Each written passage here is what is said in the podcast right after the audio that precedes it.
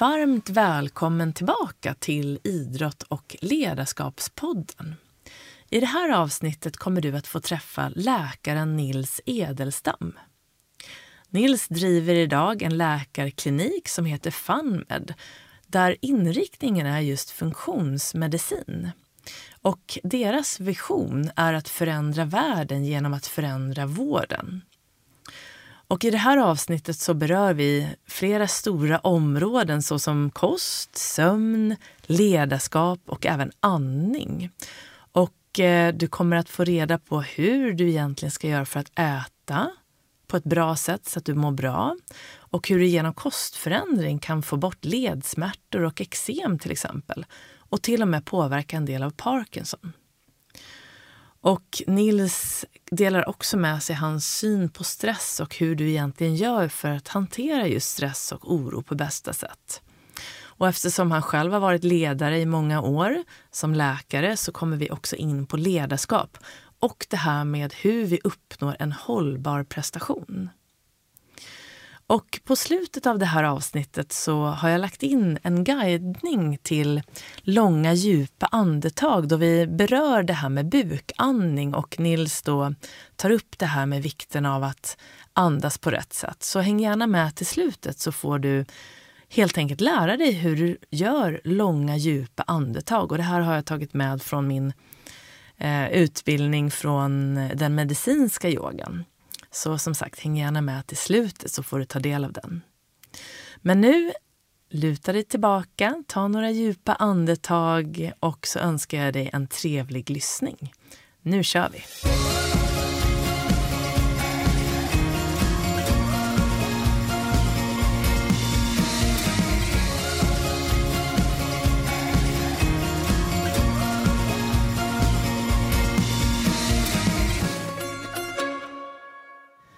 Då är ni varmt välkomna tillbaka till Idrott och ledarskapspodden. Och idag är jag mycket glad att få presentera nästa gäst för dig, nämligen läkaren Nils Edelstam. Nils är idag läkare som sagt, men började sin yrkesbana som massör, styrketränings och karateinstruktör.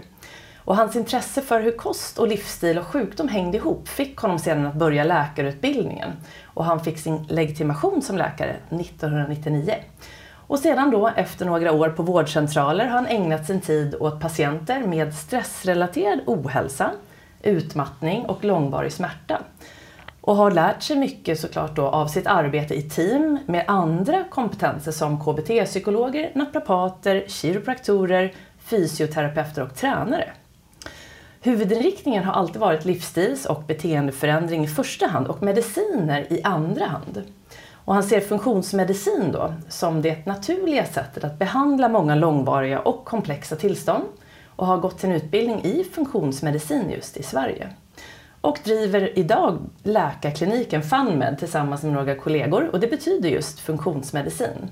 Och det är en kedja av funktionsmedicinska läkarkliniker som finns både i Göteborg, Stockholm, Halmstad och Varberg. Vid sidan av sitt patientarbete har han en utbildningsverksamhet med inriktning på hälsa, hållbar prestation, ledarskap och beteendepsykologi. Och han har varit verksamhetschef i privat regi i många år och är också licensierad i OBM som står för Organizational Behavior Management. Varmt välkommen hit Nils! Tack så mycket! Och eh, den här presentationen, är det något som du vill lägga till eller som jag kanske missade? Nej, det tycker jag inte. fick väl med ganska mycket. Eh, jag är ju allmänt intresserad av människor och det är därför jag håller på med alla de här olika grejerna. Jag tycker det är en variation i min yrkesvardag. Jag kan hjälpa människor på olika sätt. Just det. Och idag sitter vi då på den här läkarkliniken i Stockholm, FunMed. När, öppnade, när startade du här? Vi öppnade här i november 2019. Mm. Och eh, funktionsmedicin är ganska nytt i Sverige. Det har utvecklats i USA eh, och ehm, kommer ju eh, ganska snabb takt över världen. Och vi är väldigt glada att vi har kommit så långt som vi har gjort i Sverige redan. Vi tar ju mycket influens från USA. Och funktionsmedicin betyder att man vill hitta grundorsaken till ohälsa, inte bara ta bort symptom med till exempel mediciner. Utan man vill hitta orsaken till att man har ont i huvudet, har eksem, eh, ledbesvär, magbesvär, vad det nu är för någonting. Inte bara ta eh, till exempel smärtstillande eller antiinflammatorisk medicin. Nej, precis. Så vi kommer att prata jättemycket om det för det är ett sånt spännande begrepp kring liksom hälsa och kring den svenska vården. Eller kring vården generellt. Men den som inte nu vet riktigt vem du är, eh, vem är Nils och hur kan liksom en dag se ut i ditt liv just? Ja, dagarna kan se ganska olika ut men just nu är det ju väldigt mycket patientarbete.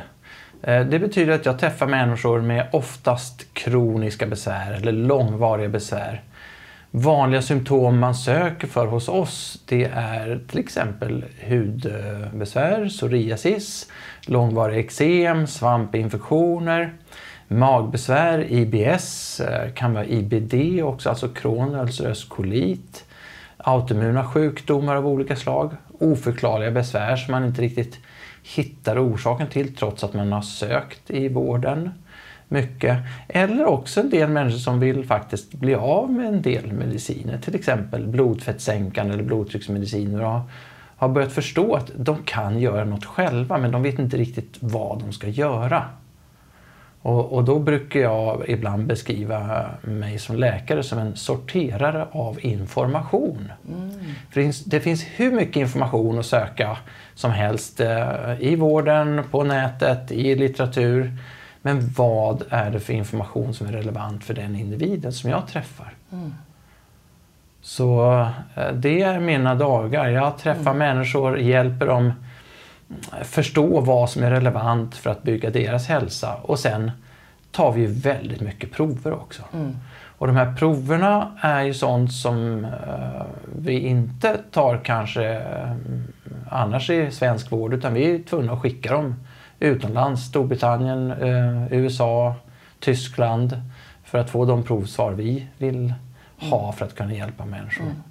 Jag hörde av en av dina kollegor här tidigare att 80 procent utav vårdbudgeten man säger, i Sverige går till just behandling av kroniska sjukdomar som kommer från livsstilen. Ja, stämmer det? Det stämmer och mm. om vi ser vad, vad vi lägger pengar i preventiv vård så ligger det kring 3-4 procent mm. istället. Och det här passar ju inte ihop överhuvudtaget.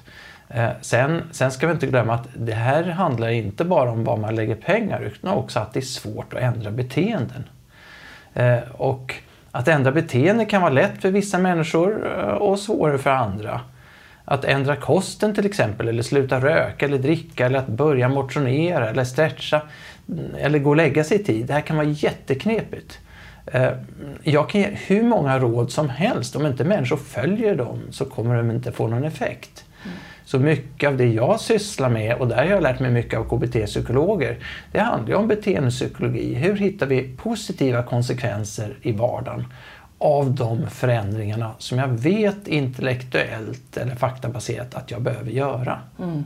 Och det är en utmaning mm. som är väldigt intressant faktiskt. Jag förstår. Jag tänker också när man får svar, alltså apropå beteendeförändring, just det här att ha en stark motivation gör ju att man liksom har lättare att liksom ändra ett beteende. Så att om man får ett svar där det är svart på vitt, här, så här ser ditt, eh, dina blodfetter det här behöver du ändra. Då borde det vara, är det lättare då upplever du att liksom patienten gör de förändringar som de behövs för att de ser så tydligt vad som är fel så att säga?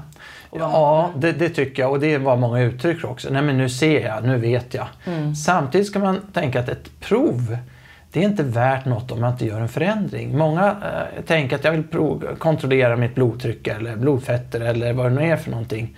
Och så ja men eh, det här måste jag ändra på, men de gör ingenting. Just det. Så man måste ändå hitta den praktiska funktionen av eh, en beteendeförändring. Det betyder att jag måste hitta en upplevd positiv konsekvens av min förändring. Mm. Annars kommer jag inte fortsätta.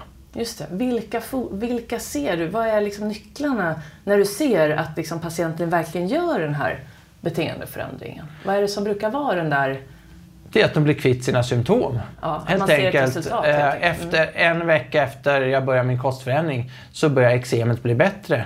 Eh, och um, två veckor senare ännu bättre. Då fortsätter man. Mm. Sen finns det de som i alla fall trillar dit och kanske börjar äta som vanligt Eh, och sen så får de lite eksem och så går de tillbaka. Och så här är vi människor. Ja. Det gäller de flesta av oss. Eh, och, och det är inget konstigt. Men då är det min uppgift att ytterligare kanske hjälpa dem att motivera sig att göra den här långvariga förändringen. Mm. Eksem kanske för en del personer inte hela världen, för någon annan är väldigt viktigt. Mm. Men har jag svåra ledsmärtor och märker att jag med en kostförändring kan få bort ledsmärtorna, jag behöver inte äta Mm. eh, starka antiinflammatoriska medel, så för de allra flesta är det en väldigt viktig konsekvens. Mm. Som inte heller eh, lyfts fram i vanlig vård. Eh, att en kostförändring kan ge så pass eh, tydliga resultat. Mm. Ja, det är otroligt. Så jag tänker på din bakgrund igen så har ju du en spännande bakgrund med eh, bland annat då karaten. Och där tränar man ju väldigt mycket självdisciplin. Apropå det här med beteendeförändring och göra saker även om de är jobbiga, man, man tränar hårt och så vidare. Hur, hur eh, håller du på med karate idag? Ja, det gör jag. Eh, inte lika mycket eh, som jag gjorde när jag var yngre förstås, men jag började träna när jag var 16 år, idag är jag 56. Så jag har hållit på ett tag och eh, för mig är karaten precis lika rolig idag. Eh, jag kan inte, för att jag till exempel opererat mina båda höfter, så jag kan inte sparka lika högt och bra som jag kunde förr och så. Men, men eh, jag tycker att jag gör på den nivån som passar mig idag och det är också något som jag vet att jag kommer kunna fortsätta med även om det är 70, 80, 90. Mm. I karaten är ju väldigt mycket, som all elitidrott ändå, om man nu kallar den idrott, så handlar det mycket om att vara noggrann, ha struktur eh, och hela tiden följa upp vad man gör, se om man kan förbättra. Mm, just det. Eh, Och det är klart att det är någonting som jag har haft nytta av i livet också. Eh, Inte minst när jag ska lära mig nya saker inom funktionsmedicin eller ta till mig ny forskning eller, eh, eller hjälpa till att motivera andra. Så, så jag tycker att karaten har gett mig otroligt mycket. Mm. Inte minst undervisningsmässigt eftersom jag har jobbat som instruktör så mycket. Att eh, lära människor med olika förutsättningar att nå olika mål. Just det. Det är jättebra att ha olika perspektiv för att sedan jobba med människor som är väldigt olika själva. Ja, Mm. Jättebra. Så um, idag då driver du den här egna läkarkliniken. Ehm, hur, eh, hur är det att driva en egen klinik? För tidigare har du då varit en del av en annan. Nu är du ju liksom här och driver det här till 100% då kan man säga. Ja, eh, fast jag har också varit med och drivit mycket annat också. Jag, Så fort jag var klar läkare så startade jag eget direkt eh, och jobbade som stafettläkare och åkte runt i Sverige. Och ehm, sen var jag med och byggde upp idag Sveriges största privata stressrehabklinik eh, och var verksamhetschef där i många år med personalansvar och ledarskap och allt vad det innebär. Så, så jag har jobbat egentligen mest faktiskt i eh, privat sjukvård och varit eh, oftast med ledningsgrupper, fått med styra verksamheter. Jag tycker det är roligt. Det är en utmaning att få vara med och utveckla en verksamhet. Och det har jag haft väldigt eh, stor nytta av sen när jag gick OBM-utbildning förstås och eh, när jag är ute och eh, utbildar andra chefer. Mm, just det. Framförallt i be- beteendepsykologi och OBM och sånt. Du har ju då en utbildning för läkare. Ja, det är något som jag har haft i många år och, det. och det gör jag på uppdrag då av, av andra bolag som, som har såna här LIPUS-certifierade kurser. Ja, det. Det vill säga man får poäng för att man ska bli specialist. Och idag krävs det eh, ledarskapsutbildning eh, för alla läkare, det gjorde det inte förr. Nej. Så jag har haft en sju år eller något sånt där och kanske har tio sådana kurser om året. Det är en kort, kort tvådagars kurs. ehm, eh, som handlar om ledarskap generellt men framförallt om beteendepsykologi. Och där jag även tar upp mycket hur vi behöver sköta oss som individer. Eh, till exempel eh, sömn och, eh, ehm, och att själva vara rollmodeller för hur vi lever för att kunna i en organisation eller en grupp eh, eller till kollegor skapa kultur på en arbetsplats som är bra, som är hållbar på sikt också. Precis, man brukar få den här frågan ibland, vad är en bra ledare? Jo, det kommer ju oftast från hur man är själv. Så kan man vara en bra ledare och en bra förebild med det egna självledarskapet så brukar det blir lättare sen för alla andra att följa. Absolut, Mm. och vi är hela tiden själva med och skapar kulturen. Den sitter ju inte i väggarna utan kultur det är ju beteenden som förstärks eller försvagas över tid i en eh, eh grupp eller organisation. Och jag är ju en del av det förstås. Mm. Vad tror du är viktigt? Jag tänker på läkarutbildningarna idag, apropå det du jobbar med nu, med den här helhetssynen på vad som gör en människa att den mår bra. Finns det någonting där som börjar komma in i den utbildningen när det gäller just det här med kosten, den här helhetssynen? Absolut, och det är tyvärr undermåligt som det ser ut idag. Det är ju 12 eller 12 och en halv timme nutritionslära eh, i en läkarutbildning och eh, som eh, nyutbildad läkare eh, så kan man inte mycket om frisk, eh, egentligen frisk fysiologi kopplat till kosten. Eh, Däremot lär man sig väldigt mycket om mediciner och det är klart att lär jag mig mycket om någonting då är det det jag kommer hålla på med. det. Eh, så, eh, så om man lärde sig mer om hur kosten påverkar vår hälsa så klart läkarna skulle syssla mer med det.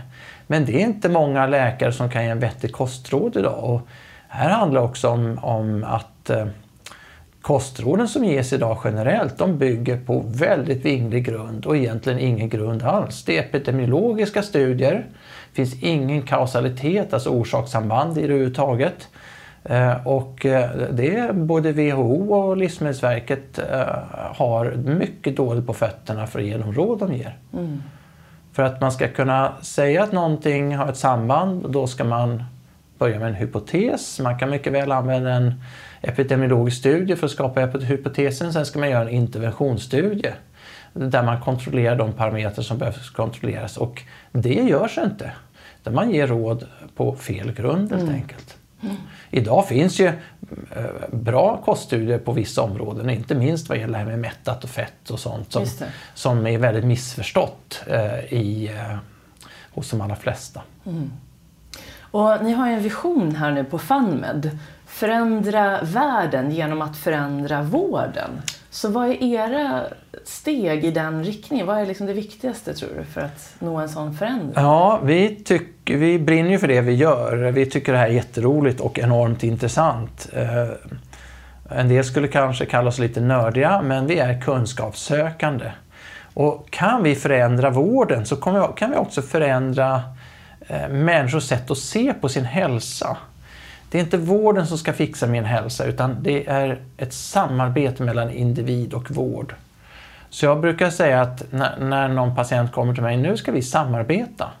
Du har din kunskap, jag har min kunskap. Vi ska få ihop det här till ett bra resultat som helst både har mätbara variabler men också kopplat till dina symptom eller det du vill uppnå. Och där får man ju sätta den ribban för vad man vill uppnå på en rimlig nivå förstås. Men, men det är så otroligt mycket och det går nästan inte att förstå hur stor effekt kosten har på vårt välbefinnande. Men människor kan för lite. Vården kan för lite. Så hur ska man, om man lyssnar nu på det här, så blir man ju väldigt nyfiken på hur man själv ska äta då. Men finns det några sådana här generella regler som, som du har upptäckt som är eh, li- liksom lite bättre än andra, apropå den allmänna kosten? Kan man göra ett sånt brett uttalande? Ja, man kan göra det, men man ska tänka lite grann på att kost kan man se ur många olika perspektiv. Dels ska det vara njutning, dels har det med kultur att göra, det ska fungera i en social vardag eh, och sen kan det påverka ens hälsa väldigt mycket. Man behöver helst få ihop de här delarna. Generellt så går det att säga vissa saker, till exempel att vi äter för mycket kolhydrater, de flesta av oss. Det kommer att påverka vår ämnesomsättning. Det kommer så småningom höja vårt fasta insulin och något som heter C-peptid, alltså vår insulinkänslighet. Och så småningom kommer det här leda till åderförfettning, åderförkalkning, ökad risk för våra vanligaste sjukdomar. Om, om vi då äter färre kolhydrater, mindre mängd kolhydrater, så bromsar vi upp det här. Och, och det är kanske lite konstigt, men vi har ju tre makronäringsämnen. Eh, Fett, kolhydrater och protein. Eh, Och protein och fett är essentiella, det vill säga äter vi inte det så dör vi. Eh, Det gäller inte kolhydrater. Vi behöver inte äta kolhydrater överhuvudtaget. Jag kan leva till jag blir 95 utan att äta några kolhydrater överhuvudtaget. Det tror man ju inte. Nej, det tror man inte. Nej. Men eh, ja, det är så att det, det är så det är. Det är fakta bara. Ja. Eh, mm, så att, och det har man svårt att svälta, Ja. förstås. Ja. För att gängse näringsrekommendationer är att man ska äta kanske 50, eh, 55% kolhydrater. Mm. Men, men varför? Det är inte ens livsnödvändigt. Mm. Det är klart att det kan vara gott. En croissant eh, är jättegod. Men jag behöver inte en croissant för att överleva faktiskt. Mm. Sen kanske jag väljer att jag vill ägna min tid åt njutning här. Men jag kan njuta av något annat också. Mm. Eh, sen får var och en bestämma själv. Jag kan bara presentera fakta. Just det. Eh, Så att bara en sån utgångspunkt att ja, kolhydrater är inte livsnödvändigt. Det har ju många svårt att svälja för de förstår det inte. Nej. Men eh, fakta går inte att komma undan. Kan inte du berätta, apropå, innan vi började här så pratade vi lite om Parkinson av olika anledningar. Just det här med hur kosten påverkar hjärnan. Och då hade det kommit någon eh, studie nu om eh, att eh, det, vad, vad, vad som kan också påverka det här med att få Parkinson. Ja, det finns ju många sjukdomar som mer eller mindre är autoimmuna. Det vill säga på något sätt angriper kroppens immunförsvar eller någonting annat, vår egen vävnad. Det kan vara sköldkörteln, det kan vara leder och så vidare, reumatiska besvär. Och det här är ett stort område som vi mm, fortfarande förstås, som allting, vet lite för lite om. Men de här nya danska studierna som kom visar då att eh, det finns flera varianter av Parkinson. Det har man länge misstänkt. Att det inte är samma orsak. Det är ungefär som att det finns eh, många olika sorters astma. Många olika sorters migrän. Ja, eh, nu mm, verkar det som det finns flera orsak, eh, olika sorters eh, Parkinson också. En som mm, man tror börjar hjärnan, substansa nigra, där vi har dopaminproducerande celler. Eh, Och när de destrueras så får vi skakningar och rigiditet och uh, utvecklar Parkinson.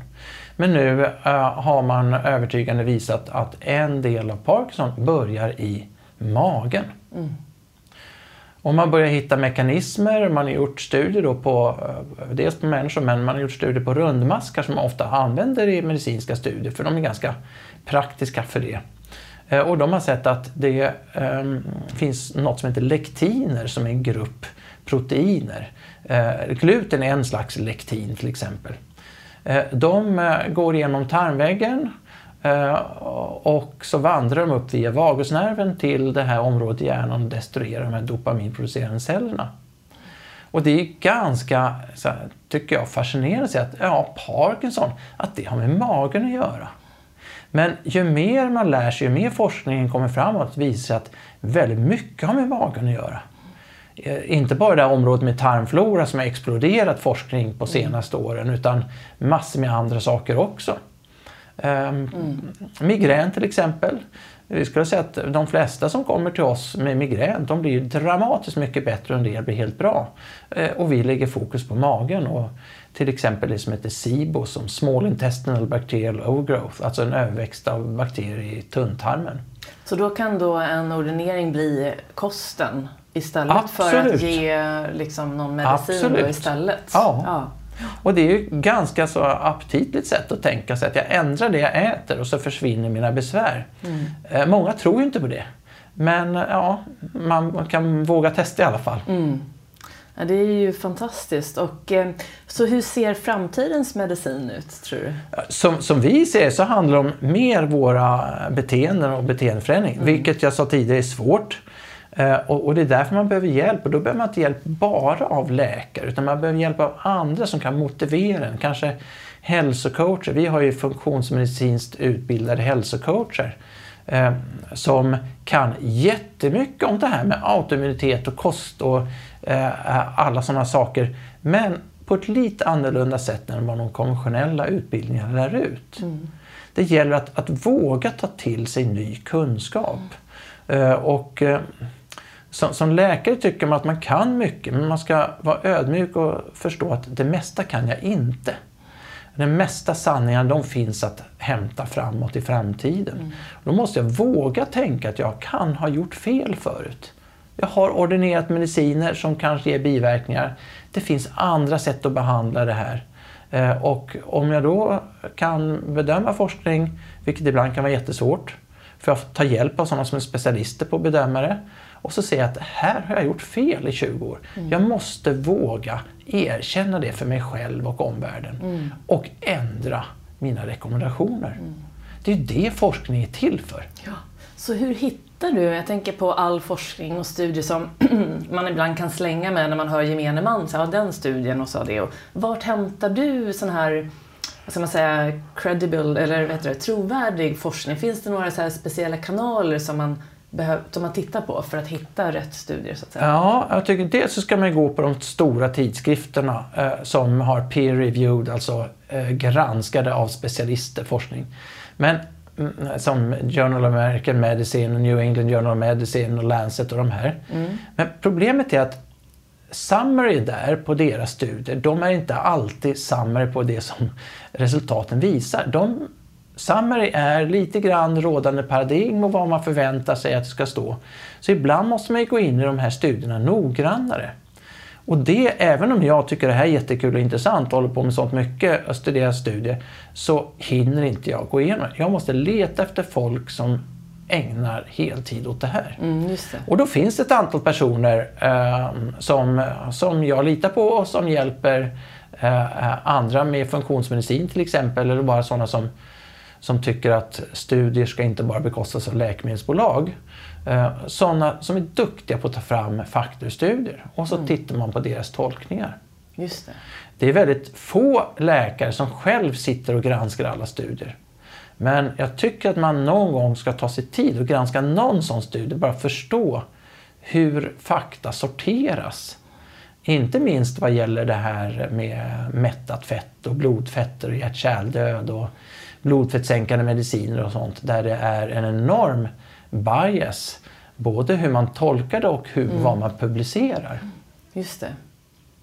Ja, nej, men det gäller ju precis apropå det där att ta sig tiden då i den position man har som läkare, apropå självledarskapet, att utvecklas och vara nyfiken på det nya och också det här öppna sinnet så att det är de råden man ger som är så otroligt viktiga eftersom patienten, man har en sån roll som läkare så att man har en sån möjlighet att påverka och att hitta den där tiden då till att göra det där. Att det blir så viktigt. Ja, och vi har ju som det ser ut idag har vi ju 75 minuter på nybesök och 75 mm. minuter på återbesök. Ja. Och det kan jag säga att det är ganska kort tid ändå. Um, men samtidigt så ger vi då, försöker motivera, ge länkar till andra utbildningsmöjligheter, lyssna på föreläsningar eller vi delar ut material och sånt för att man själv ska kunna Eh, ta till sig fakta. Jag brukar säga så här att din hälsa är för viktig för att lämna över till läkarna. Och med det menar jag inte att man ska få hjälp av läkare, för det ska man förstås få. Men man ska förstå varför får jag de här råden? Varför fick jag den här medicinen? Eh, hur tolkar du det här provsvaret? Varför tog du det här? Mm. Är det här normalt inom 95 procent av befolkningen eller har det med hälsa att göra? Just det. Bara hur man tolkar ett provsvar kan ju vara en hel värld. Mm. Bara för att jag in, finns inom normalintervallet betyder inte det att det är hälsosamt. Nej. Och där kan vi ju, om man tar såna här blodsocker och sånt som vanligt exempel, att jag har normalt blodsocker, jag har normalt blodsocker, jag har normalt blodsocker och sen plötsligt har jag diabetes. Mm. Det här hade jag kunnat se tio år tidigare om jag hade tagit andra prover, till exempel faste insulin eller C-peptid. Mm. Eller bara titta på vad jag äter eller hur jag beter mig. Men, men det är inte så vården fungerar riktigt. Nej. Och det är klart att de flesta faktiskt eh, som får reda på att om fem år eller om tio år kan du ha typ 2-diabetes. De kommer inte ändra sitt beteende. Nej. För att de har inte motivationen i, i, i, eh, i vardagen. Nej. Och då måste de få hjälp med det. Eh, och där tänker jag att även hälsocoach och andra kan vara med och motivera. För att mm. om jag fick reda på att jag får typ 2-diabetes som jag fortsätter mitt liv framåt, eh, ja då skulle jag ändra på det. Men alla gör inte så. Så att det är också vilka prover man tar men hur man tolkar proven också. Mm, just det. Och då tänker jag, leder det mig in lite grann på det här med stress. För att ha, vi har ju en hög stress i samhället upplever jag. Um, att den har ökat när man läser tidningarna och sådär. Att folk blir mer och mer stressade och speciellt nu under pandemin så har utmattningen, liksom oro och psykisk ohälsa kanske ökat ännu mer då. Och jag tänker för att vara en bra ledare för sig själv då, i det här fallet är det ju det här självledarskapet. Om man som patient till exempel märker att man mår dåligt så får man råd av en läkare till exempel för att kunna ta till sig det och även vanliga ledare som ska leda andra. Så behöver man må bra själv för att liksom kunna leda andra och för att kunna göra det här man behöver göra. Och då kan ju stress lägga sig som en liten hinna över det där så att man liksom inte riktigt förstår vad som är bra. Man kanske hamnar i det här destruktiva beteendet, börjar äta ännu mer socker eller ännu mer av det där dåliga. Men hur skulle du definiera egentligen just när man hamnar i stress och utmattning så som det ser ut idag? Och tycker du att det stämmer att det ökar fortfarande? Ja, för det första så är vi ju människor ibland lite fyrkantiga i vårt synsätt. Vi ska ha vissa definitioner. Det här är utmattningssyndrom, uppföljer följande kriterier och så vidare. Det kan vara väldigt bra ofta. Men samtidigt så är det viktiga, vad gör man åt det? Eh, och en del upplever att ja, men nu har jag fått min diagnos utmattningssyndrom eller vad det nu är för någonting. Det kan vara något helt annat också. Eh, eh, och det har hjälpt mig jättemycket. Men, men frågan är, vad har det hjälpt då? Eh, det är ju beteendeförändringen i vardagen eller den hjälp man behöver som kommer vara relevant för att man ska bli, må bra framåt. Och då tycker jag det lönar sig att göra det här väldigt strukturerat, alltså pinpointa de områden där du som individ har störst utvecklingspotential. Och säg att det är sömnen då. Ja, okej. Sömn kan vara 10 olika grejer, 20 olika grejer. Och då måste jag gå in på dem med den här individen. För att alla vet ju, och det säger forskningen också, att har man en god sömn så är man mycket tåligare. Och det förstår de flesta. Men att göra en sömnintervention, förbättra sin sömn på ett strukturerat sätt, det är inte så lätt. Eh, och där vet man att KBT till exempel är jättebra. Men det finns andra saker som hjälper också, som då inte finns kanske visat än i stora studier. En del upplever till exempel att de sover bättre med magnesium. En del med glycin, en del med B6. Ja, det är klart att det är bra att mäta de här grejerna och se, har du brist på det här, då har vi en potential till då. Eh, klart man inte ska snusa på kvällen för att då går nervsystemet upp i varv. Klart man ska inte hålla på med skärmar och sånt, det vet alla. Inte kaffe och så vidare. Men vem hjälper en att sätta den här strukturen och följa upp de här till om nästa möte om två veckor? Jo, det blir jag det. Mm. Eh, jag kan ge hur mycket sömntabletter som helst. Men man kan ändå vara stressad när man sover. Så det gäller ju att sortera, var har du din största utvecklingspotential? Och sen går man på de områdena. Mm.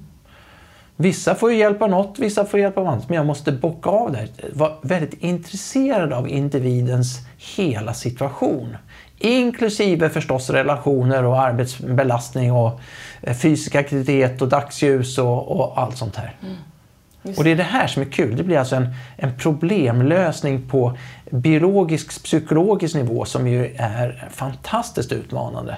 Brukar folk vara medvetna när ni går in så här i detalj, liksom hur dagen ser ut? Och så här, brukar patienterna vara medvetna om hur det egentligen ser ut? Eller har man en hur bilden ser ut om hur man lever? Så att säga. Har de en förståelse eller blir ja. det som en liksom uppvaknande? Sådär? Nej, jag tycker nog att de är ganska medvetna fast de har inte kommit till skott att göra det. Nej, okay. Uh, uh, och, uh, för de flesta vet ju att man, om hur man ska leva. Sen är det vissa faktorer som man kanske inte vet så mycket om. Snarkning är en sån sak. Mm. Och snarkning är väldigt vanligt um, så det stör vår sömn. Man kan snarka så det inte stör sömnen också. Mm. Eh, och, eh, och den snarkningen ökar ju eh, i och med att vi ökar i vikt, för det är en faktor. Men det kan vara rent, man kan vara smal och snarka så det stör ens återhämtning.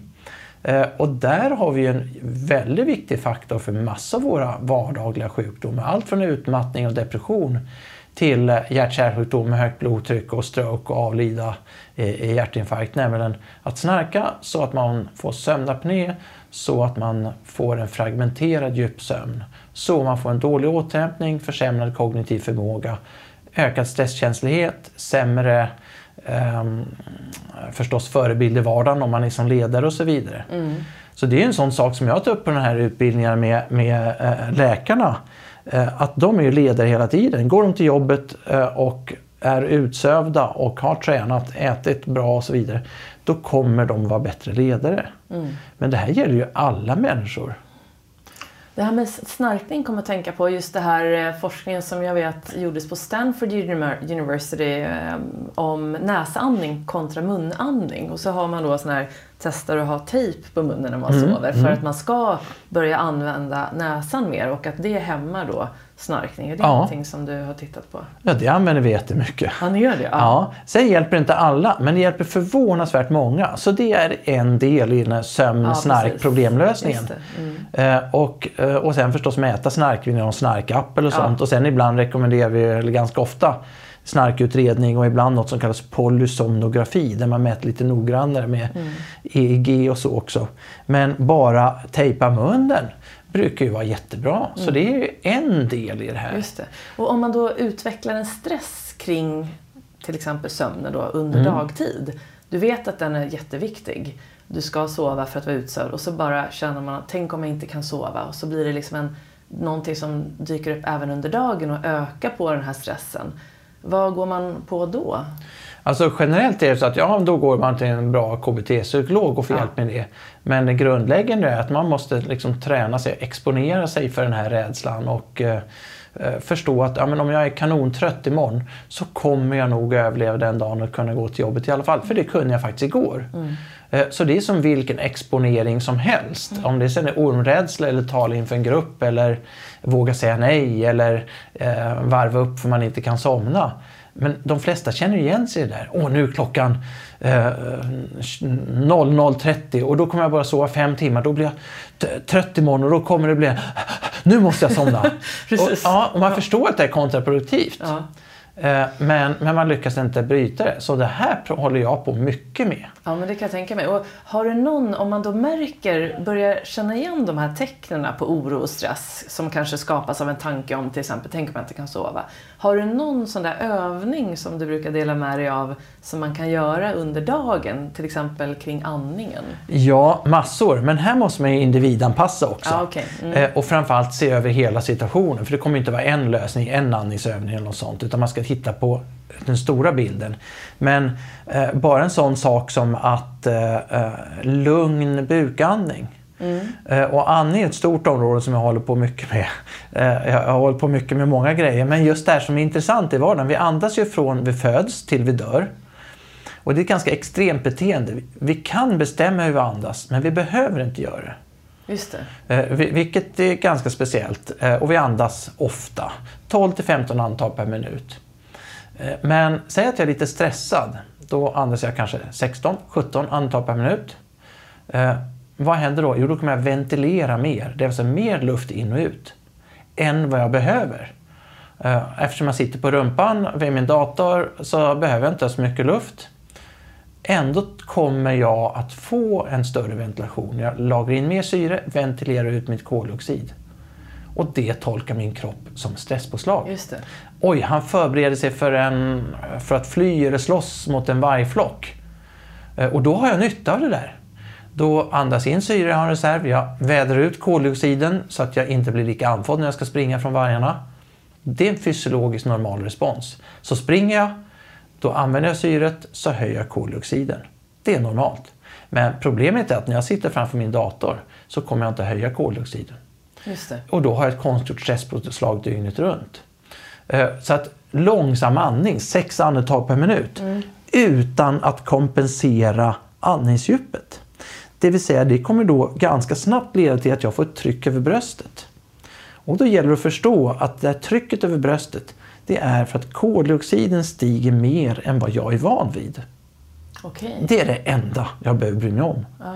Det ska jag förstå Eh, och sen tränar jag att öka min koldioxidkänslighet. Så om jag får ett tryck på bröstet? Nej, förlåt, minska den förstås. Ja, just det. Så om jag får ett tryck på bröstet, ja. så tänk, det kan ju vara en signal på stress som jag själv har till exempel. Ja, ja. Och det är alltså för att koldioxiden har... Nej, det, Nej. det kan vara flera saker. Men en vanlig orsak det är att, jag, att koldioxiden stiger mer än vad jag är van vid. Så om jag då andas in mer och börjar lugna min andning så kommer det där...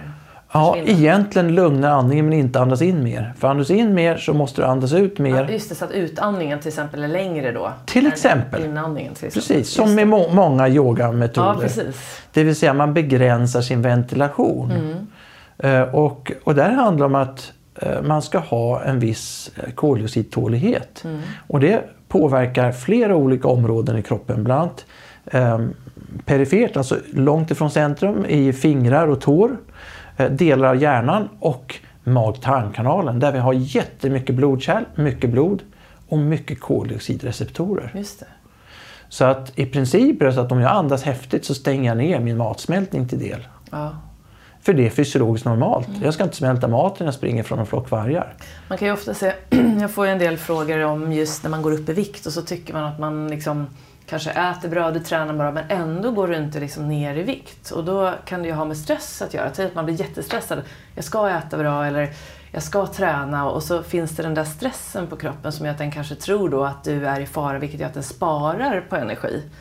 Kan det stämma? Att, du på så, att det är därför du inte riktigt eh, blir av med vikten även om du gör det Ja. du ska så att säga? Det här eh, är riktigt komplext för att det här har med hormoner att göra förstås.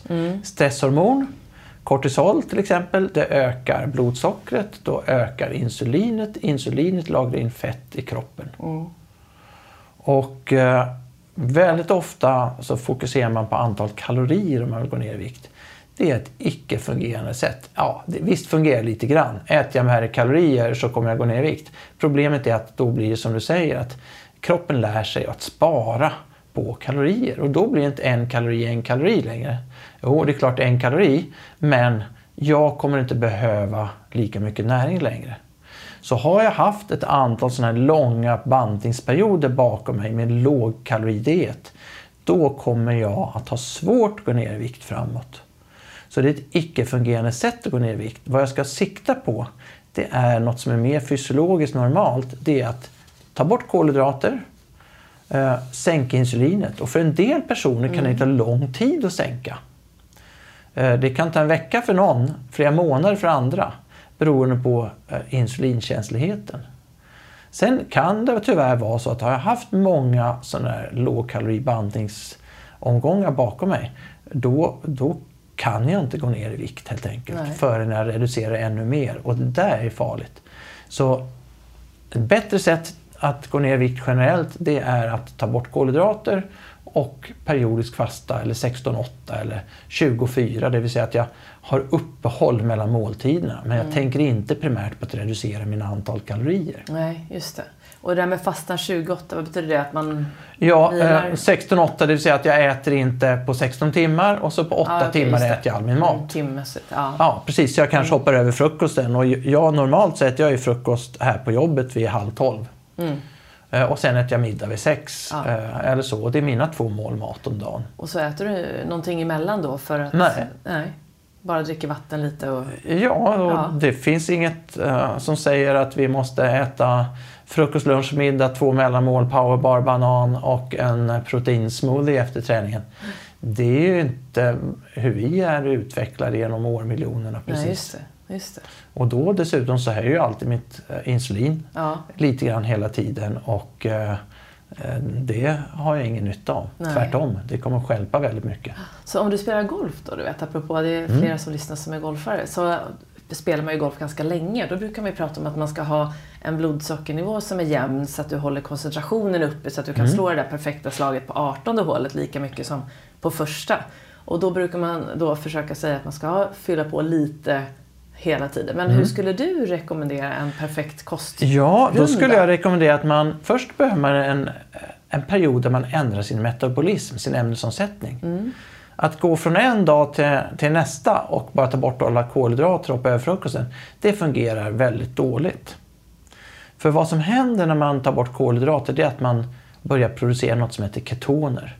Och ketoner är ju ämnen som ger energi som kommer från det egna fettet som vi bryter ner. Det är en bra energikälla som vi blir skärpta av. Tänk 100 000 år tillbaka i tiden. Jag har inget att äta eh, idag på fredag, lördag, söndag. Men om jag då skulle bli trött och okoncentrerad så skulle jag aldrig överleva. Jag kan inte ut och jaga då. Istället blir jag skärpt och eh, kan hålla mig skärpt, ut och jaga, orka länge och sen så får jag ta på lite mat. Idag fyller vi på mat jämt så vi kommer aldrig till den här keton Ja, eh, just det. Det vill säga att jag har alltid fyllt på mitt kolhydratförråd. Och kolhydrater lagras i kroppen, eh, musklerna och levern som något som heter glykogen. Och är jag van att ha det som primära bränslet, då kommer jag bli ofokuserad, trött och så vidare. Så om man som idrottare ska tänka att man vill testa lågkolhydratdiet, då är det en inkörningsperiod på allt från några dagar till flera veckor. Mm. Och det betyder att jag, mitt blodsocker kommer att hålla sig jämnt, lågt. Men det är inte av blodsockret jag får energi då, utan det kommer att vara av ketonerna. Mm, just det. Och då kommer det också bli så att mina blodfetter ändras. Eh, Mina LDL-partiklar till exempel, som är kolesterolpartikel, de kommer att öka för att trans- transportera ut näring till cellerna. Så jag får näring via ket- ketoner istället för via socker. Just det. Så att om jag gör en sån inkörningsperiod. Så går det alldeles utmärkt och då kommer du ha världens fördel framför andra. För även om jag är smal så kommer jag ha många kilo fett att bränna energi. Så jag kommer inte få någon dipp på 18 hålet. Mm. Även om du inte äter. Nej. Du behöver inte det då. Nej, jag kommer inte behöva. Ja, just det. De första studierna man gjorde på idrottsmän, här, då tänkte man inte på den inkörningsperioden och Nej, då presterade de sämre.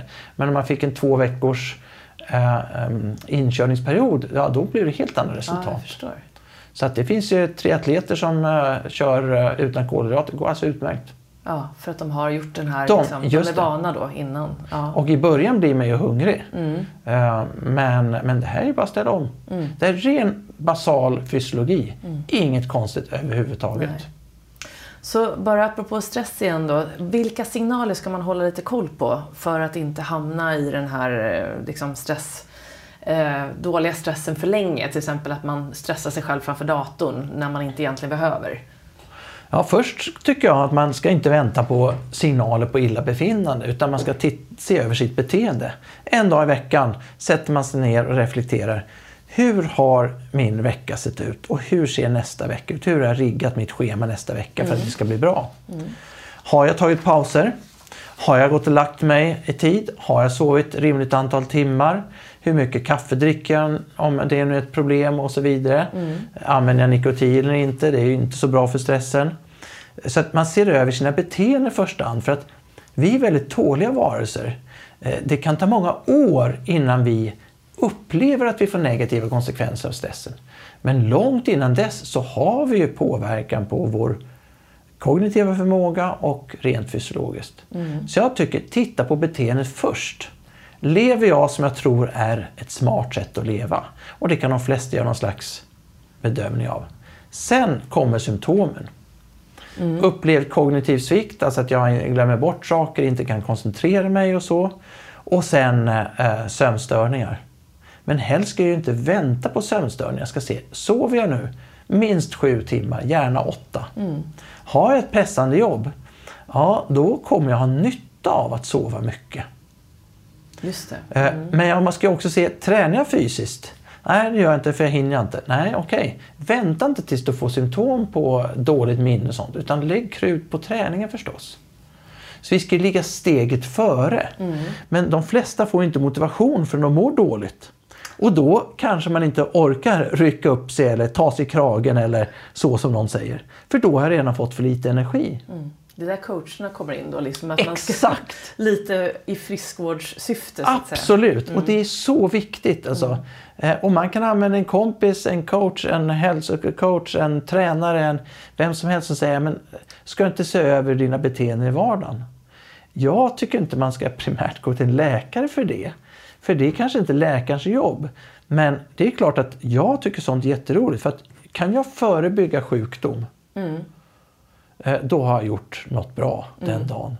Eh, Jag ska inte vänta tills jag måste skriva ut högre mediciner. Utan jag vill ju jobba helst med den förebyggande delen.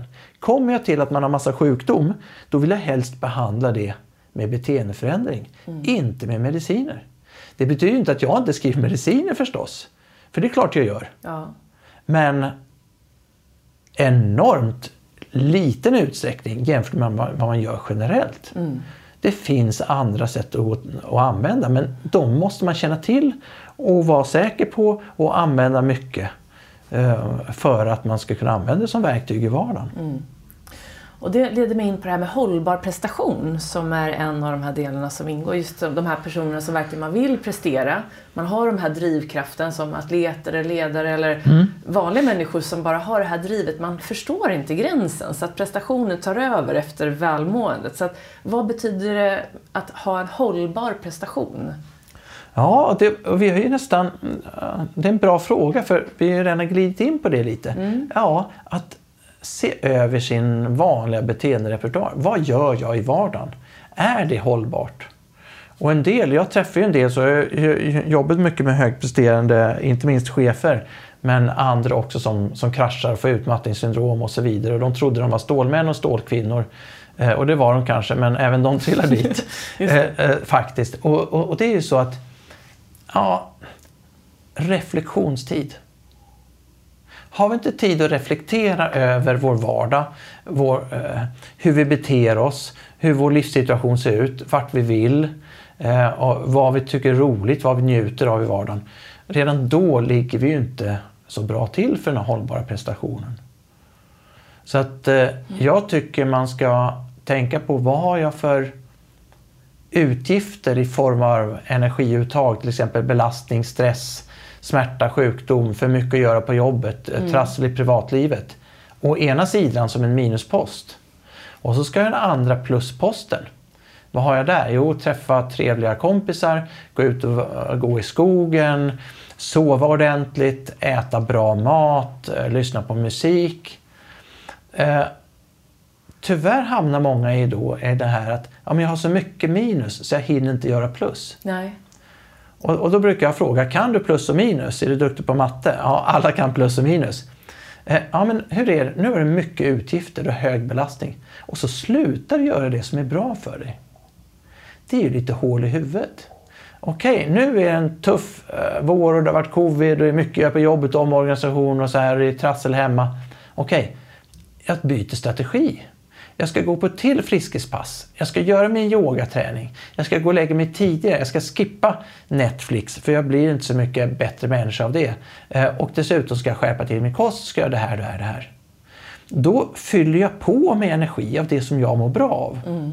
Och det märkliga är att det kan då inträffa att de här hindren eller uh, utmaningarna, de ter sig plötsligt rimliga. För jag har fyllt på med energi. Mm. Så det här svåra ledningsmötet som jag gruvade mig för, och, eller budgetarbetet eller eh, svårt personalsamtal. Plötsligt blir det mycket lättare. Eh, och, och, det finns ju en logik i det och där gäller det då, som jag sitter med de här plus och minusgrejerna och hjälper folk hitta det som är plus. Gör mer av det som du mår bra av. Jag vet att jag hade, en, jag hade en elev som fick komma till dig och ni pratade om det här med vattenglaset. Det Just det, det är det jag tänker. Ja. ja. att man ska tänka på bilden av ett, hur fullt är glaset eller hur, ja, vill du ta det? Ja, det vill säga att det här med plus och minus mm. brukar beskrivas som ett energiglas. Mm. Man ska lägga fokus på att fylla på saker. Fyller jag på med bra grejer då kan jag klara mer belastning. Men problemet då är att när man har belastning så slutar man fylla på.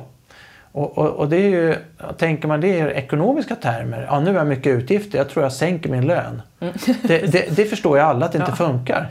Ja nu har jag mycket utgifter, det är belastning i vardagen och mycket på jobbet och privat. Så jag tror jag slutar göra det jag mår bra av. Det är ju hål i huvudet. Mm. Utan istället, jag ska göra mer av det som jag mår bra av. Mm. Sen kan jag kanske plocka bort något på minussidan. Men det orkar man inte alltid för att man är så trött. Och då bara borrar man ner huvudet och så är det pannben och så jobbar man på, jobbar på, jobbar på. Mm. Och istället ska man ju tänka på, kan jag få en bättre vardag genom att lägga till saker jag mår bra av, ta bort en del saker som jag inte mår bra av. Mm. Och där kan det handla om att lära sig säga nej. Uh, och alltså assertivitet eller assertiveness, sund självhävdelse, som är jätteviktigt. Inte minst om man är ledare. För jag kan inte göra allt själv. Och jag ska vara en förebild. Jag ska vara som man vill vara som ledare ska man vara närvarande och lyhörd och eh, allt sånt här som är bra epitet på ledare. Det kan jag inte vara om jag är slutkörd.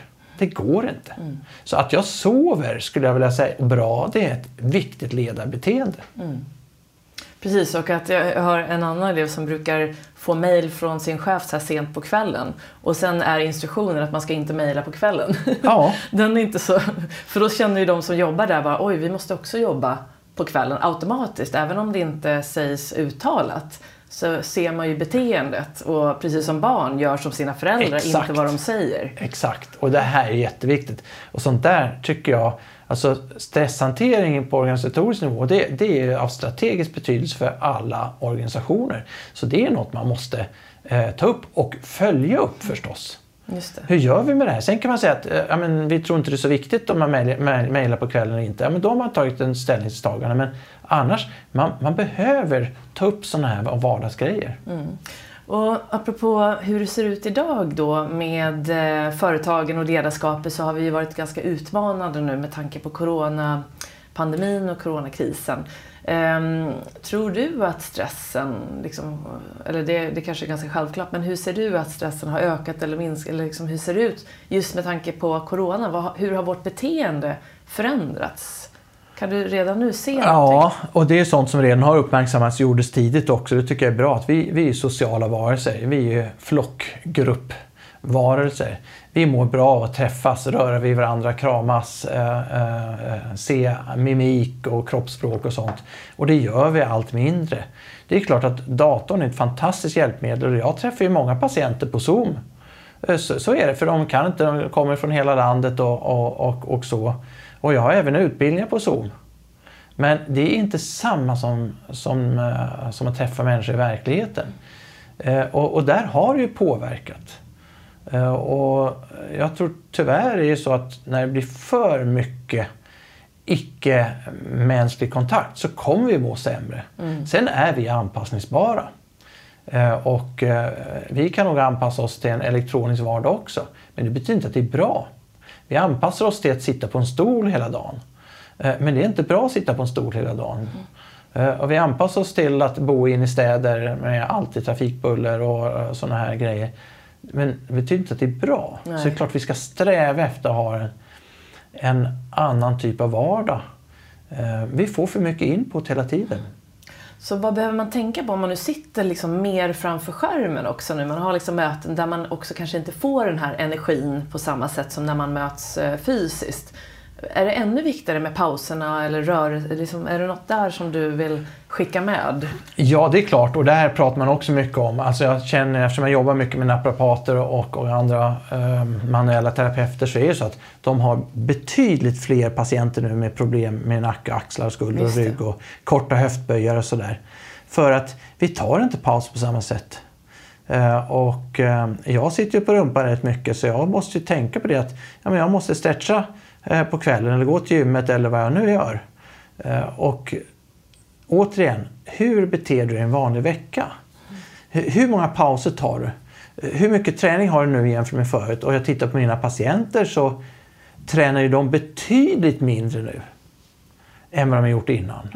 Och de säger jag kan inte träna nu för det är corona så att jag kan inte gå till gymmet. Nej, okej. Det är svårare för du har inte gymmet att gå till men eh, då måste du träna hemma. Ja, men det är svårt att göra. Ja, svårt. Men det är inte omöjligt. Så vi måste anpassa oss till den vardagen som finns. Har vi ingen gym att gå till, träna själv hemma. Gå ut och ta en promenad. Det finns ju utegym. Man kan träna var som helst egentligen. Eh, och, och det låter ju lätt när jag säger så här. Det är inte lätt. Men då blir resultatet därefter. Då blir det ont i ryggen, det blir mer stress, det blir stillasittande, det blir mindre dagsljus och allt sånt där. Och, och, och återigen kommer vår miljö bli konstigare och konstigare och konstigare. Och då måste vi göra konstiga saker för att kompensera det. Till exempel gå till en tränare eller, eller ha PT på Zoom eller något sånt där. Va? Vilket många har idag. Jag kör min PT på Zoom säger flera patienter. Ja, jag kör min yoga på Zoom. Ja.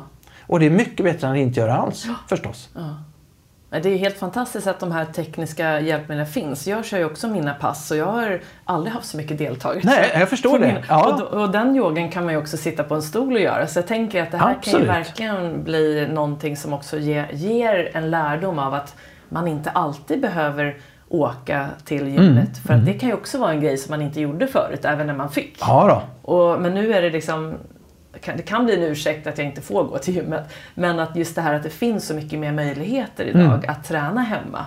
Och sen att ta sig själv i kragen för att vad vill vi leva? Ett friskt liv eller vill vi bli, leva ett sjukt liv ungefär? Ja. Och det är lätt att tänka att nej men det är ingen idé för jag kan inte gå till gymmet och köra en timme.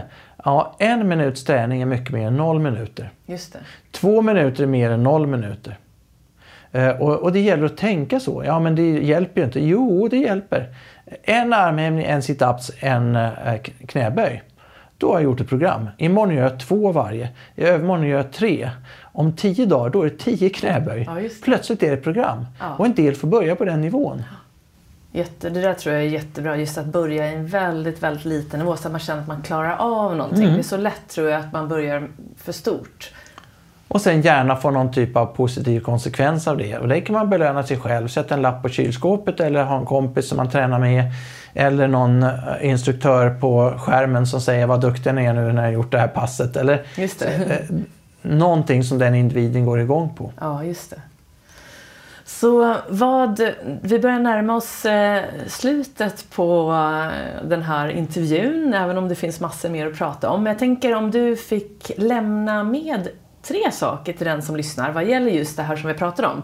Att tänka på helheten av sin hälsa eh, för att må och fungera bra. Finns det tre saker du skulle kunna skicka med? Ja, eller om jag tar fyra då. Ja, sö sö sömn, kost, motion, social samvaro. Ja. Och alla de områdena är jättestora. Så jag skulle tycka det är bra om man som individ lär sig mer om hur det jag stoppar i mig påverkar mig.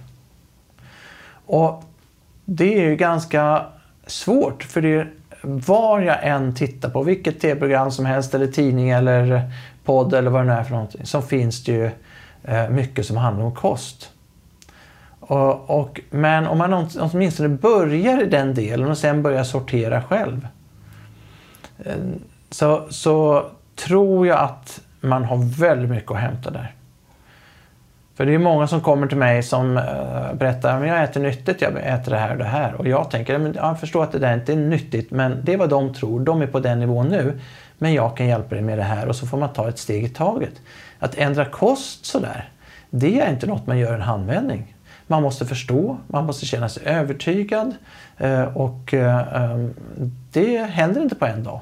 Framförallt om man är väldigt fast i att man ska äta på ett visst sätt, för det har man lärt sig antingen av Livsmedelsverket eller av mormor eller av en kompis eller man har gått någon kurs.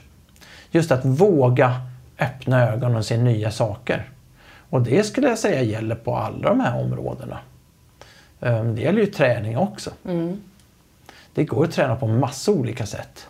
Om jag bara äter broccoli så kommer jag inte må bra. Om jag, det går inte att jämföra riktigt, men om jag då äter broccoli och så äter jag fem andra födoämnen så kommer det vara mer variation. Om jag tränar styrketräning, yoga, pilates eh, och crossfit, då har jag en variation. Sen kanske jag inte tycker crossfit passar för mig, men i princip så är det en bra träningsform om man gör det tekniskt bra. Men att det är inte så att en sak är arena saliggörande. Eh, och det viktigaste träningen är den som blir av. Trivs jag med handboll, ja då är det handboll jag kör. Men får jag sen en skadad axel, då måste jag kunna ha en plan B. Ja, det går inte att köra handboll nu. Axeln är skadad. Ja, då kanske det är yoga istället. Va? Ja, men yoga kan jag inte, så det kan jag inte. Men, vänta ett tag. Ja, du är nybörjare, ja. Du var nybörjare på handboll för tio år sedan också. Jag måste våga vara nybörjare. Eh, så att, eh, att variera sin vardag. Mm. Men se över de här grundläggande kost, motion, sömn och Eh, och sen eh, förstås eh, social samvaro, fysisk träning. Mm. Det, jag brukar rita hälsan som en pyramid och de här fyra delarna är liksom basen av pyramiden. Ja, just det. Och sen kan de betyda olika mycket för olika personer. Någon har inte så stor förbättringspotential på kosten, mm. men på något annat område. Och du sa just det här med, jag tänker på för att få ihop det här, att reflektera då. Ja. Eh, där under kanske en dag, den, en vecka, kanske söndag kväll för att Mm. se hur den veckan har varit och hur man vill att nästa vecka ska vara. Så att man hittar balansen där, att de här ingredienserna då finns som ligger i basen. Exakt, och Mm. så, så då ser man ju oj jag har ingen tid för paus eller för lunchpromenad nästa vecka. Ja men då måste jag sätta in det. Just det. Och det här är som en av de, de faktiskt mest uppskattade ledarskapsövningar som man brukar köra. Det är att sätta av 15 till 30 minuter en dag i veckan. Reflektera över ditt ledarskap senaste veckan. Och Eh, I vilka situationer, ja, vad hände, hur reagerade omgivningen, vad gjorde du för något, hur betedde du dig och så vidare. Och sen, hur ser nästa vecka ut då? Eh, I vilka situationer kommer du att vara ledare och vilka är de mest relevanta för ditt bolag, din grupp, eh, din kollega, vad det nu är för någonting. Hur ska du bete dig då? Och då ska man se beteende som någonting som är mätbart. Det vill säga ett beteende är observerbart och mätbart. Mm. Det är inte hur jag är utan vad jag gör som är relevant. Jag kan till exempel upplevas som närvarande eller snäll eller vad det nu är för någonting. Men det är bara beskrivbara ord. Här gäller det att vara strikt på beteendet. Vad säger jag? Vad gör jag? Hur rör jag mig? Eh, vad skriver jag i mitt mejl till, till mina medarbetare? Så att det signalerar då det man, har, liksom, det man vill helt Precis. Enkelt, som man har bestämt? Ja, ja. och eh, det finns ju massor med sådana här eh, tolkningsbara adjektiv. Att man är karismatisk eller man är det ena eller det andra. Eller eh, demokratiskt ledarskap. Men vad är det då? Under de rubrikerna finns det ett antal beteenden som sen gör att folk definierar som demokratiskt ledarskap eller att man är arrogant eller vad det kan vara. Mm. Okej, okay. observera beteenden. Beteenden är mätbara och observerbara. Det är det som definierar vårt ledarskap. Mm. Uh, och det är därför vi ska reflektera över hur beter jag mig? Hur eh, vill jag ha min hälsa? Vad gör jag då? Tog en promenad? Tog jag inte en promenad? Det är mätbart. Mm, ja, jag tog en promenad. Bra, då har jag gjort det jag skulle. Uh, åt jag den här maten eller lät jag bli att göra där vad det nu är för någonting? Ja, det gjorde jag. Okej, det är mätbart. Mm. Och att man just att man, blir, att man följer upp det här själv då. Absolut. En gång i veckan. För det är ja. då man ser den här förhoppningsvis då förändringen som man kanske vill göra. Då. Ja, ja, visst, visst. Eller ja, precis. Och det här finns ju, det här låter ju inte något konstigt. Men det ska göras. Exakt. Och då kan det bra, ibland vara bra att ha någon coach som följer upp. Att man har gjort planen, följer upp en själv. Liksom. Precis. Så det... Precis. Det är enkelt men det betyder inte att det är lätt. Nej. Så där kan du behöva den här utomstående liksom, Exakt. peppen. Då. Ja. Och det är därför man har så stor nytta av coacher förstås. Ja, precis. Ja, men jättebra. Är det någonting som du själv vill lägga till här nu innan vi... Nej, inte annat än att eh, det är jättestora områden vi har rört oss över. Ja, eh, faktiskt. Mm. Kost och sömn och ledarskap och andning och allt sånt. Och egentligen det är det som är fascinerande. Varje område här är en hel värld. Mm. Vi skulle kunna prata om andning en timme. Mm. Uh, och, och, det är det jag tycker är så kul att jobba med människor. För man hittar alltid något som är relevant för den individen. Mm.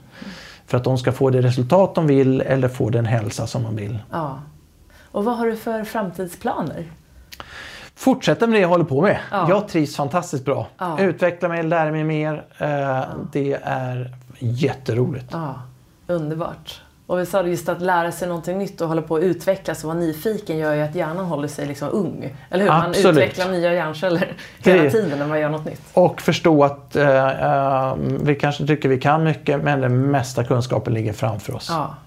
Det är härligt. Ja, vilka fantastiska råd du har kommit med och fantastisk kunskap och inspiration och faktiskt motivation. Så jag tror att vi har berört många områden. Jag tror att du har verkligen kunnat säga väldigt mycket bra grejer om varje del som jag tror att många kan ta till sig av.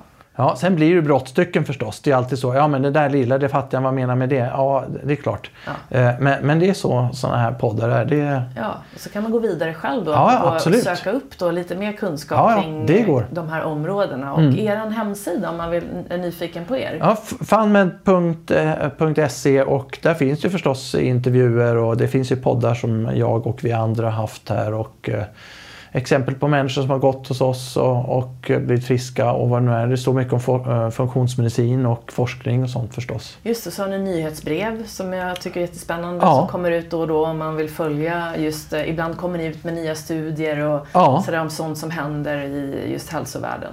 Och ibland det vi kallar nördtips också. Ja. För de vill sätta sig in i lite mer detalj på olika områden. Ja. Och det är faktiskt väldigt populärt. Det är många som läser de där nördtipsen. Ja, det är så spännande. Fast det kan vara lite för, eh, för avancerat för en del. Man hittar den nivån som man ja. är på. Ja, tack så jättemycket Nils och varmt lycka till och eh, på återseende. Ja, tack. Det var jättekul att vara med. Tack. Vi ses.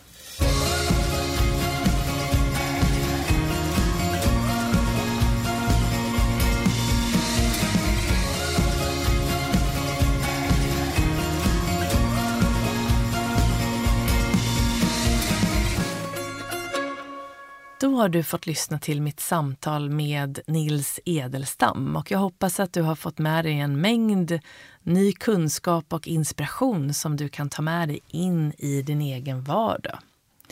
Och vill du då veta mer om Nils och eh, läkarkliniken FunMed och hur de jobbar så går du bara in på www.funmed.se. funmed.se och eh, nu som jag lovade i början av det här avsnittet så tänkte jag visa dig, eller guida dig helt enkelt till långa djupa andetag. Hur du egentligen gör för att så att säga göra de här bu den här bukandningen, de här djupandningen som man säger i den medicinska yogan. Och det handlar om att syresätta kroppen ordentligt, lugna ner systemet genom att få med dig magen när du andas. Så du kan göra så nu att du sitter upp om du sitter på en stol och du kan också ligga ner på golvet och då lägger du ner på rygg. Så om du sitter upp så försök hitta en alert men avspänd hållning. Båda fötterna i marken och eh, ja, känslan av att någon drar dig upp i håret så att du får en alert hållning. Om du ligger på rygg så kan du ha armarna längs med sidorna till att börja med. Låta fötterna glida isär och bara landa lite på marken. Och nu kan du lägga en hand på magen och en hand uppe vid bröstet, upp mot nyckelbenet. Och ligger du på marken så känner du att båda armbågarna har kontakt med marken så att axlarna kan slappna av. Och så börjar du andas in och ut genom näsan och du kan sluta dina ögon. Så bara landar du här en liten stund och känner in den här sköna känslan av att du håller om dig själv lite extra, tar hand om dig själv lite extra.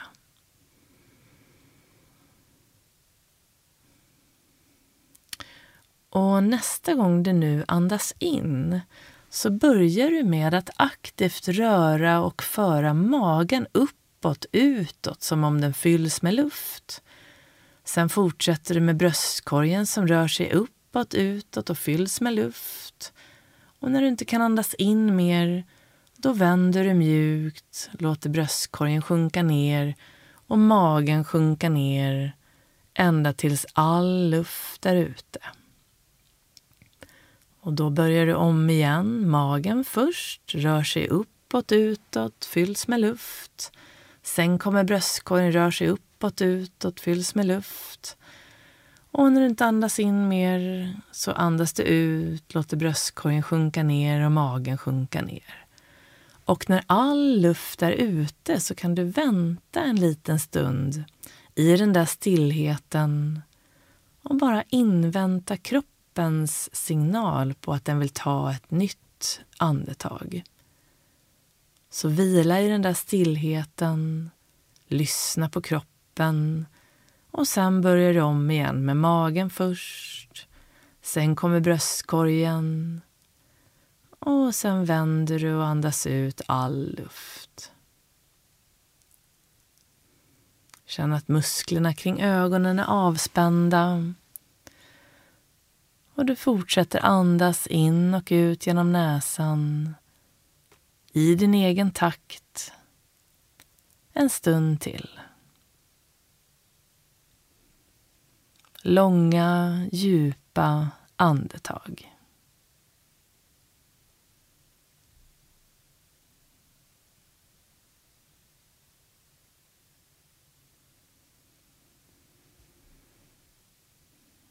Och när du känner att andningen har kommit igång så kan du om du vill lägga ner armarna längs med sidorna igen.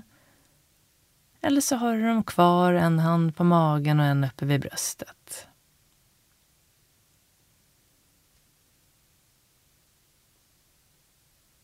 Och om du vill så kan du nu fortsätta en stund till med de här långa djupa andetagen eller så kan du avsluta nu och bara röra lite på fingrarna, röra lite på tårna och andas ut. Andas in, för upp armarna ovanför huvudet längs med marken om du ligger på golvet och bara stretcha ut kroppen lite grann. Och så kan du öppna ögonen och komma tillbaka.